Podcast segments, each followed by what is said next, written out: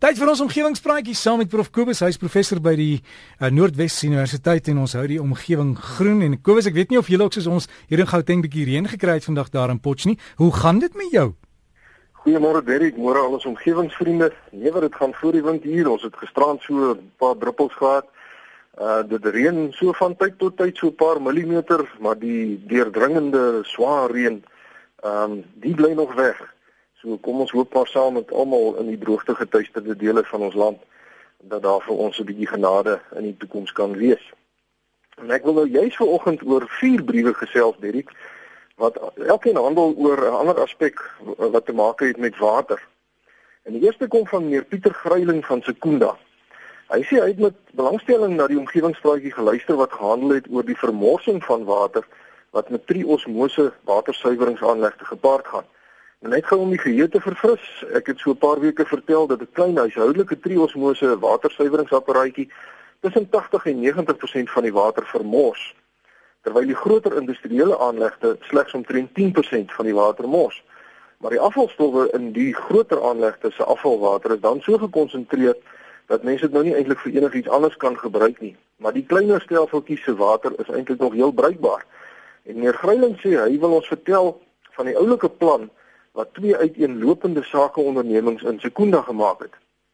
Vroeger verjaar het daar by een van die sakesentrums 'n private onderneming geopen wat water deur die triosmose proses suiwer en dit dan nou aan mense verkoop.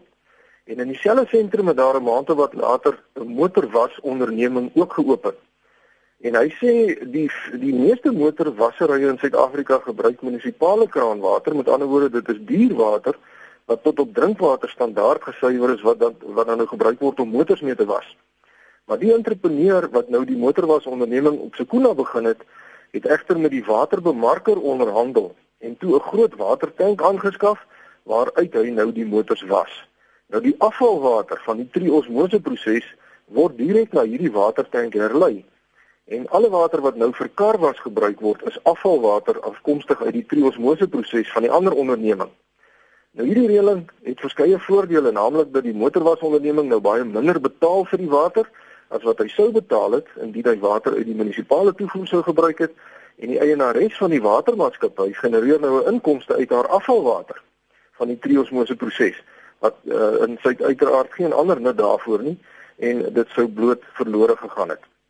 Meneer Gryiling eindig sy brief met die opmerking dat hierdie gesprek oor die triosmose proses sy mening opnuut onderstreep het dat ons baie keer maar redelik naïef is deurdat ons daagliks dinge gebruik sonder om werklik te besef hoe dit werk of wat die impak daarvan op die omgewing is.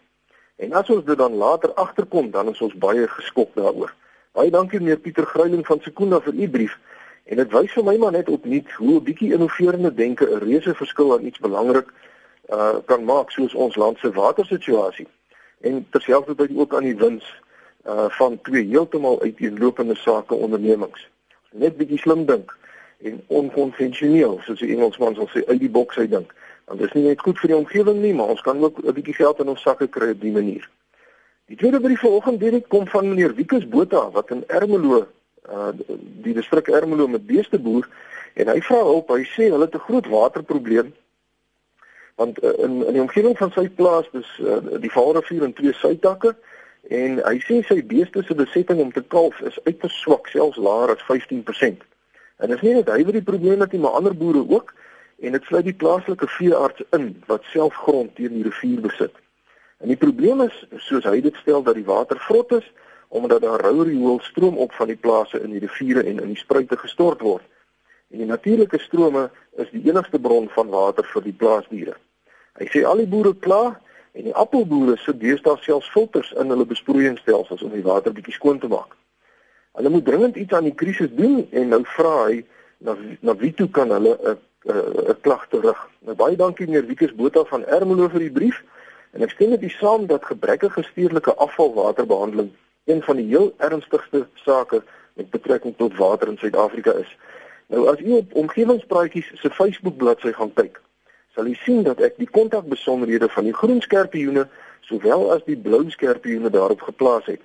U maak maar net die Facebook bladsy oop en klik dan op 'n belt en dan op bio. Anderswoorde op Facebook of van omgewingspraatjies About en Bio en dan sal u die telefoonnommers daar sien. Skakel gerus hierdie mense en meld die saak aan sodat die oortreders vasgevat kan word. Die derde brief vanoggend kom van meneer Sarel van der Walt wat wonder wat die omgewingsinvloed is van die grootskaalse ontsouting van seewater om varswater aan groot stede en gemeenskappe teen die kus te lewer. Hy sê hy het nou die dag raak gelees dat massas gekonsentreerde sout en ander afvalstowwe wat op sentrale plekke uh, in die see teruggestort word, ernstige ekologiese probleme vir die seelewe daar inhou. En hy sal graag my opinie hieroor wil hoor aangesien Suid-Afrika ontsouting aan die Kaapse kus oorweeg. Baie dankie meneer Sarel van der Walt vir u vraag. En ek dink uh, om die saak in konteks te plaas is dit nodig om 'n sommetjie te maak. Nou daar is 7 miljard mense op aarde en as ons nou aanneem dat elkeen van hulle 400 liter water per dag gebruik, dan is die totale waterverbruik op aarde 2,8 maal 10 tot die mag 12 liter water per dag. Nou al hierdie water kan inpas in 'n tank wat 1,4 km lank, 1,4 km breed en 1,4 km hoog sal wees. Met ander woorde 'n tank met 'n inhoud van 2,8 kubieke kilometer. Nou as ons dit vergelyk met die hoeveelheid water wat daar in die see is, dan sien ons dat die see se volume naaste by 1,35 miljard kubieke kilometer is. Met ander woorde selfs as ons kyk na al die water wat al die mense op aarde vir 'n tydperk van 100 jaar sal gebruik, dan is dit al daai water is omtrent 18000stes van 1% van die see se water. Nou terug by u vraag met betrekking tot die soutte wat dan nou van die ontsoutingsaanlegte terug in die see gestort word. Dit is wel so dat die gekonsentreerde soutte 'n uitwerking sal hê op die ekologie in die onmiddellike nabyheid van die afvoerpyp. Maar globaal gesien is dit onbeduidend. En dan is daar ook meganismes in die see wat die soutte weer vasvang in van die gesteentes. Baie dankie vir u vraag. En dit is dan die laaste navraag vanoggend kom van Gert en Alma van der Walt van Edenwil in die Vrystaat en hulle vra dat ek meer lig sal werp op die wetlike aspek van 'n kennisgewing wat 'n huiseienaar op sy hek of heining moet aanbring wanneer hy nou van boorgatwater gebruik maak in tye van waterbeperkings. Hulle sê hulle dorpie se munisipale boorgate is besig om op te droog en nou vra hulle of 'n huiseienaar gedwing kan word om dan nou gratis water aan die munisipaliteit uit hulle boorgat te lewer. Baie dankie Gert en Alma van der Walt van Edenwil.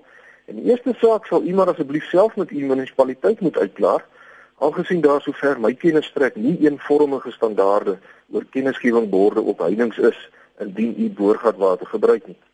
Oor u vraag of die munisipaliteit u kan dwing om gratis water aan die dorp te verskaf, die saak het twee kante. Die eerste is dat as die dorp se boorgat opdroog, die inwoners se boorgate waarskynlik ook binnekort gaan opdroog, behalwe as daar nou geologiese toestande is wat dit verhoed. En sover my kennis strek, is daar nie sulke rotslae in u deel van die wêreld nie. Die tweede saak is dat alle water, en dit sluit boorgatwater in, sedert 2008 aan die staat behoort. So indien die munisipale boorgat dus opdroog, maar daar is nog water in 'n inwoner se boorgat, dan het die munisipaliteit die reg om daardie water te onttrek en aan die gemeenskap beskikbaar te stel. Maar hulle sal dit natuurlik op hulle eie koste moet kom doen. Hulle kan nie van u verwag om vir die elektrisiteit vir die pompe te betaal nie. En daarmee Dirk sien ek my tydjie is om vir oggend. Baie dankie aan al ons omgewingsvriende wat so fliks deelneem aan die Facebook bladsy van omgewingspraatjies. Ons het reeds meer as 5000 persone wat deel is van die gemeenskap en dis vir my 'n riem onder die hart. Baie dankie daarvoor. En dankie ook aan diegene wat vir my skryf. Uh, as u vir wil skryf, is u baie welkom. My e-posadres kobus.vanderwalt@nwu.ac.za en daarmee groet ek vir oggend. Mag dit met u almal voor die wind gaan en vriendelike groete tot 'n volgende keer. So gesels ons met Kobus van der Walt. Beste is te gaan kyk op Facebook vir omgewingspraatjies. Dis 'n groep en Kobus plaas die inligting daar seker net daar gaan kry en dan ook 'n spot gooi in die komende week by RSG. So gaan loer op Facebook soek net vir omgewingspraatjies, die meervoud en kry die inligting en kyk asseblief mooi na ons land.